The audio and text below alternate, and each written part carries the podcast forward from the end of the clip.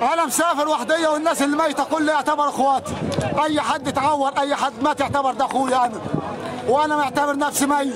ومعتبر نفسي ميت مكان مكان الميتين.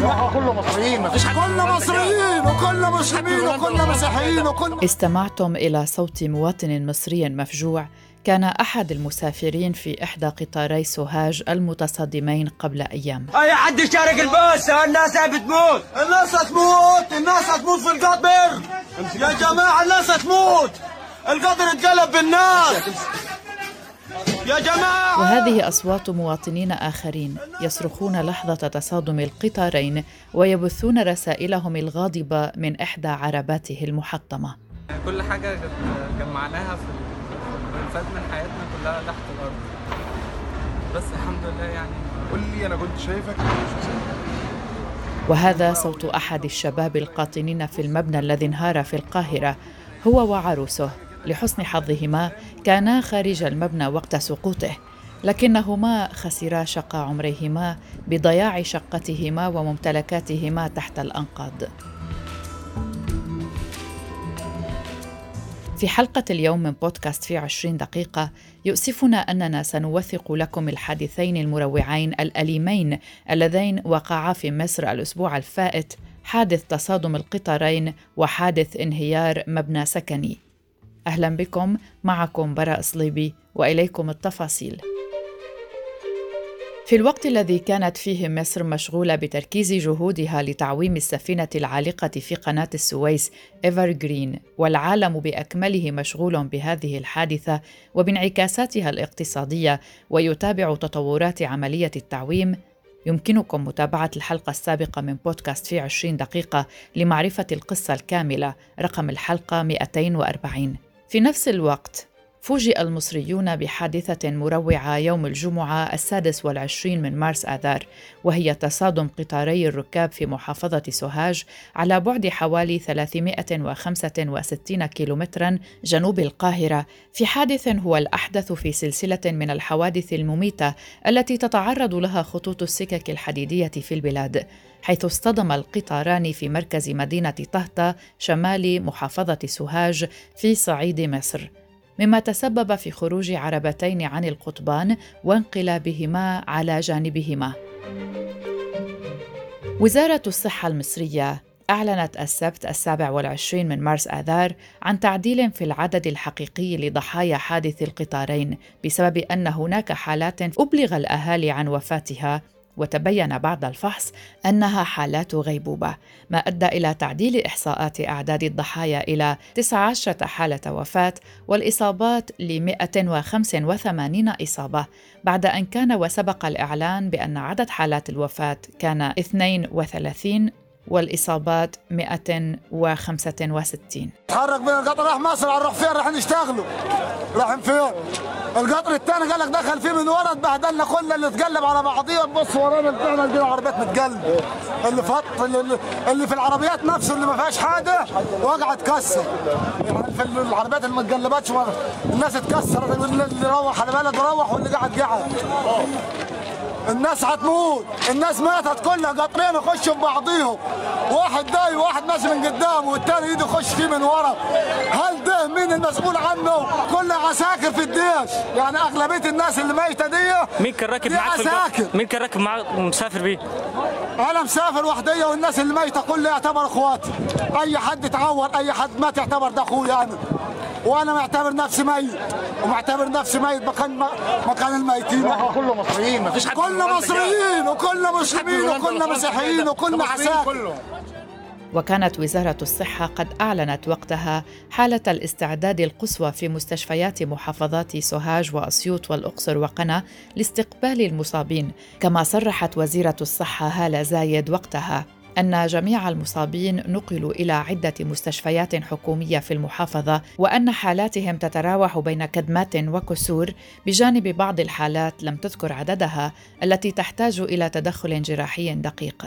وذكرت أن طائرة أقلعت تحمل فرقا طبية بمختلف الاختصاصات لمستشفيات محافظة سوهاج وتمت زيادة عدد سيارات الإسعاف إلى 74 هذه شكلنا اهو أنا مش عارف أنا حتى فكر الوجعان الناس ميتة هذه الدم. بص لم. رن على مين يا عم؟ شاركوا الباص شاركوا الباص أي حد يشارك الباص الناس بتموت. الناس هتموت. الناس هتموت في القطر.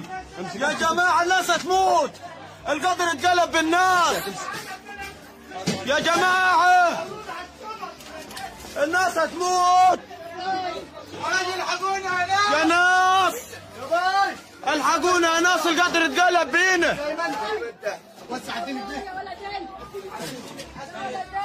الحقونا يا ناس. الحقونا الناس الحقونا شغل المباشر الدم مباشر يا باش. الدم اهو الناس ميتة اهو هاي.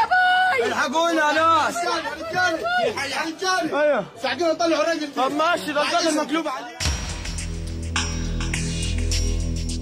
أما عن التصريحات الأولية لسبب تصادم القطارين كان لهيئة السكك الحديدية المصرية التي قالت إن اصطدام القطارين كان نتيجة استخدام مجهولين كوابح الطوارئ بالقرب من مدينة سوهاج، مضيفة أن هذا الاستخدام أدى إلى توقف أحد القطارين واصطدم الآخر به من الخلف، لافتة إلى أنها تجري المزيد من التحقيقات بشأن الحادث. وعقب تصريح هيئة السكك الحديدية طالب النائب العام حماد الصاوي كل الجهات بالتوقف عن إصدار بيانات أو تصريحات بشأن أسباب الحادث حتى انتهاء التحقيقات والتي تتولاها النيابة العامة. وقالت هيئة النيابة الإدارية في بيان إن رئيس الهيئة عصام المنشاوي أمر بالتحقيق في الواقعة وتكليف اللجان الفنية المختصة بالفحص وتقديم تقريرها للنيابة على وجه السرعة لكشف وجود إهمال أو مخالفات تأديبية كان من شأنها وقوع الحادث. وصرحت مصادر للجزيرة بأن وزير النقل الفريق كامل الوزير أمل بالتحفظ على سائقي القطارين. من جانبه أمر رئيس الوزراء المصري مصطفى مدبولي بتفعيل غرفة الأزمات في مجلس الوزراء لمتابعة تداعيات حادث تصادم القطارين في سوهاج كما أمر بالتنسيق بين الوزارات والجهات المعنية لمتابعة الحادث.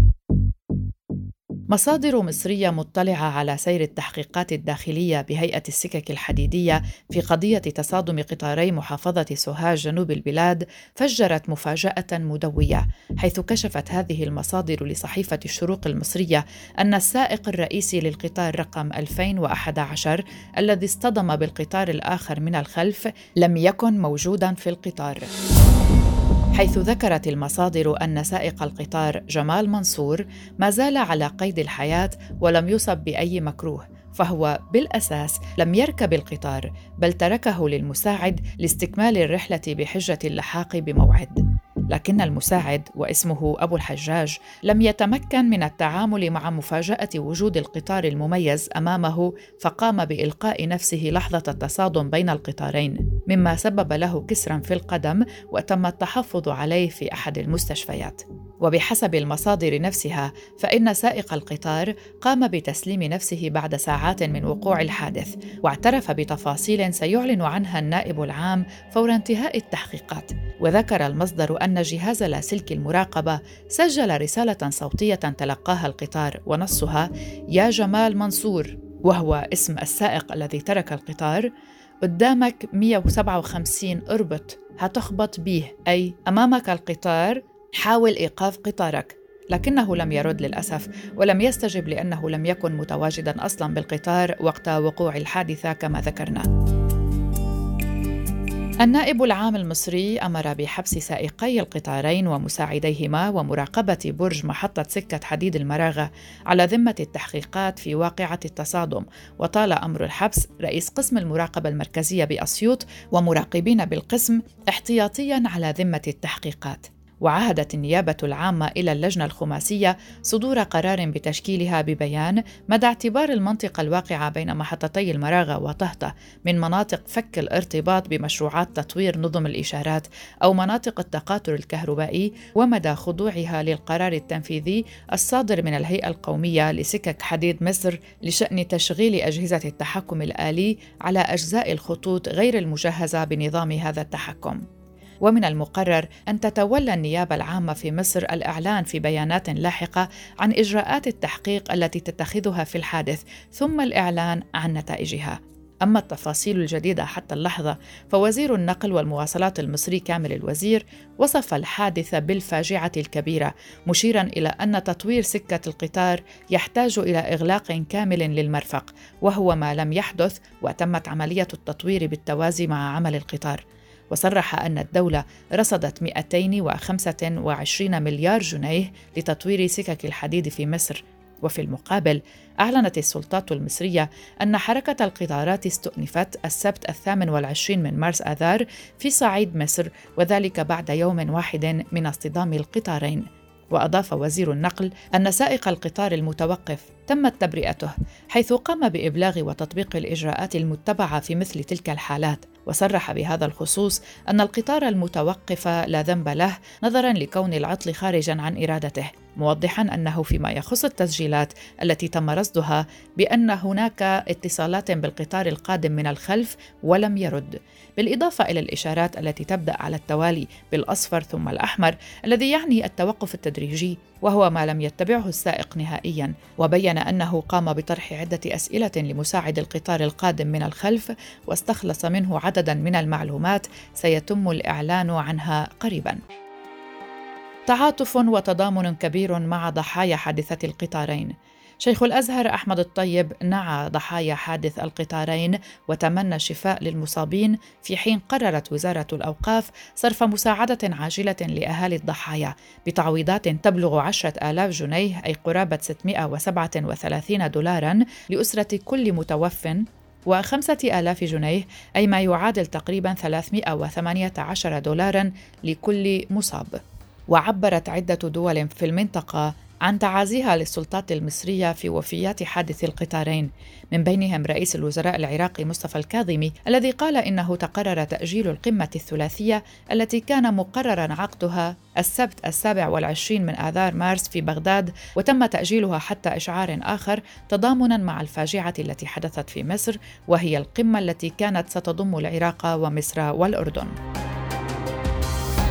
في تاريخ مصر سجل حوادث مشابهة تشهد مصر حوادث مروعة من وقت لآخر بسبب تهالك خطوط السكك الحديدية والجرارات وعربات القطار القديمة منذ عقود. وأكثر حوادث اصطدام القطارات دموية في مصر وقع عام 2002 عندما لقي 373 شخصا حتفهم بعدما اندلعت النيران في قطار مزدحم جنوب العاصمة. وفي مايو أيار عام 2018 أعلن الجهاز المركزي للتعبئة والإحصاء في مصر في آخر إحصاء معلن أعلن ارتفاع نسبة حوادث القطارات إلى 43.6% في 2017 مقارنة بالعام السابق له. وأكد في بيان آنذاك أن السبب الرئيسي لحوادث تصادم القطارات هو العنصر البشري إذ بلغت نسبته 78.9% تليه العيوب الفنية وحالة السكك الحديدية. وفي نهاية شهر فبراير شباط 2019 شهدت محطة رمسيس للقطارات في القاهرة حادثا مروعا حيث صدم قطار مسرع حائطا عند طرف رصيف المحطة ما تسبب بانفجار واندلاع حريق ضخم أدى إلى مصرع 22 شخصا. وتسبب الحادث في استقالة وزير النقل هشام عرفات وقيام الرئيس السيسي بتكليف كامل الوزير رئيس الهيئة الهندسية بالجيش آنذاك ليتولى مسؤولية قطاع النقل والمواصلات.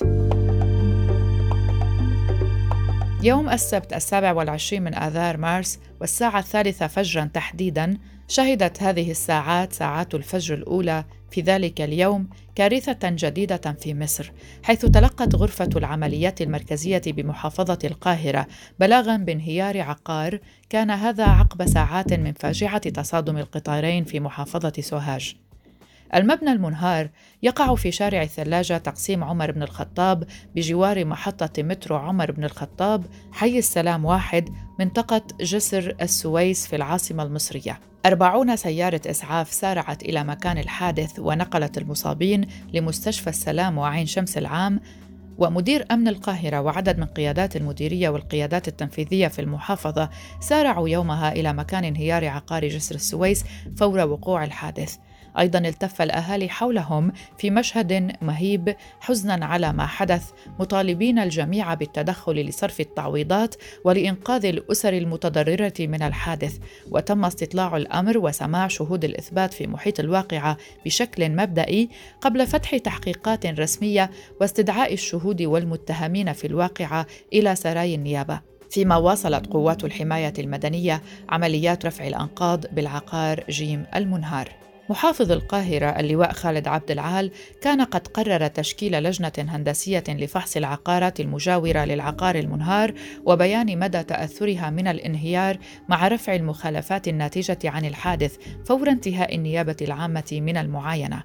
وبحسب ما نقلت وسائل إعلام مصرية محلية عن شهود عيان فقد ظهر أن المبنى كان قد أخذ بالميلان في الليلة السابقة للانهيار نستمع إلى أصوات بعض الناس من مكان الحادثة.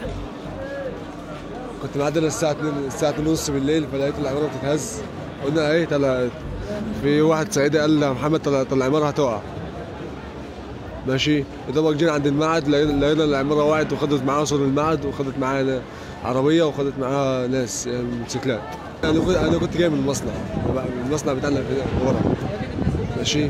فمعدي أنا وصاحبي لقينا واحد بينادي علينا بيقول لنا بعيدوا بسرعة عشان العمارة هتقع. لما العمارة اتهزت أما عن نتيجة انهيار المبنى فقد أوردت صحيفة الأهرام الرسمية على موقعها يوم الأحد الثامن والعشرين من مارس آذار أن قوات الحماية المدنية بالقاهرة تمكنت من انتشال مزيد من الجثث من تحت أنقاض العقار المنهار ليرتفع عدد الوفيات إلى 25 شخصاً والمصابين إلى 25 شخصاً آخرين. أنا ساكن قريب من المنطقة دي. أنا بس صاحي الساعة 8 الصبح على اتصال من ال ال ال الناس صحابي بيطمنوا عليا.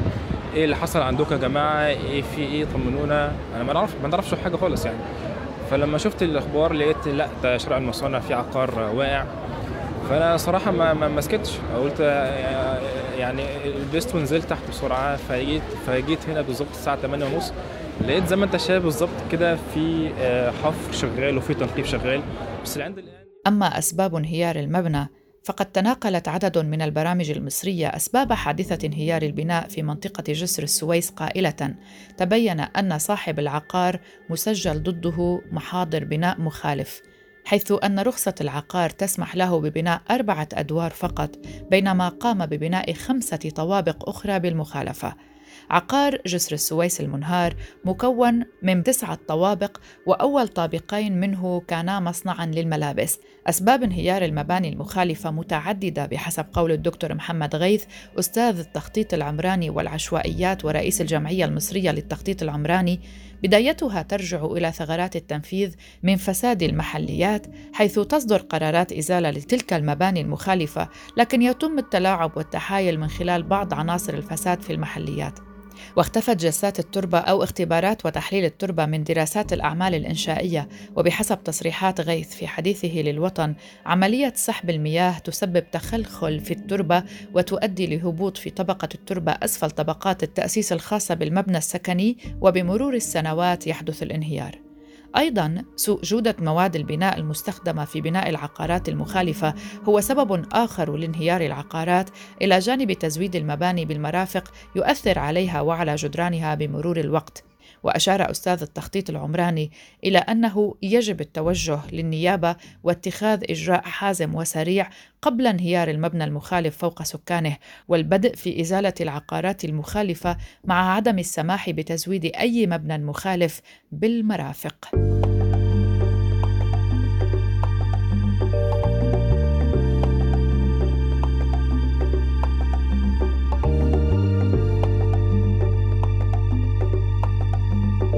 هذه كانت حلقة من بودكاست في عشرين دقيقة من أعداد زميلتي وصديقتي الصحفية يالا فهد وكنت معكم من وراء الميكروفون براء صليبي شكرا لكم لحسن المتابعة. إلى اللقاء.